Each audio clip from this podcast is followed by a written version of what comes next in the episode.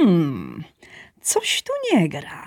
W odcinku o Szukalskim zapowiadałam, że kolejny podcast będzie o Baskiacie. Tymczasem Szukalski dalej panoszy się na dawno temu w sztuce. Gdzie ten Baskiat?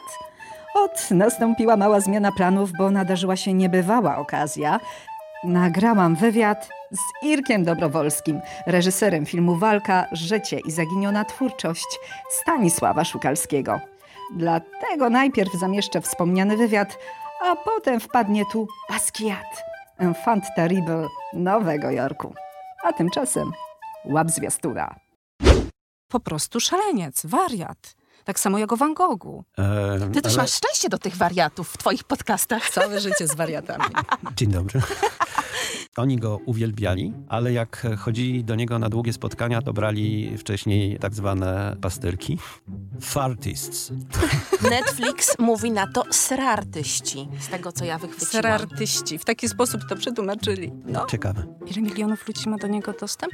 100... 160. To powiedział prezes Netflixa Ted Sorantos. Pokaz filmów w Lakmie liczy się jak wystawa. Hmm. Więc miałem wystawę w Lakmie, którą prowadził i otwierał Leonardo DiCaprio. Właśnie cierpiał pan przy tym. No bardzo. Była na stole opcja no, zawieszenia projektu. Orłem? Orłem jest strzępiem? No w każdym Jest orłem, tak. Ale już nie prorokiem. Kto wie?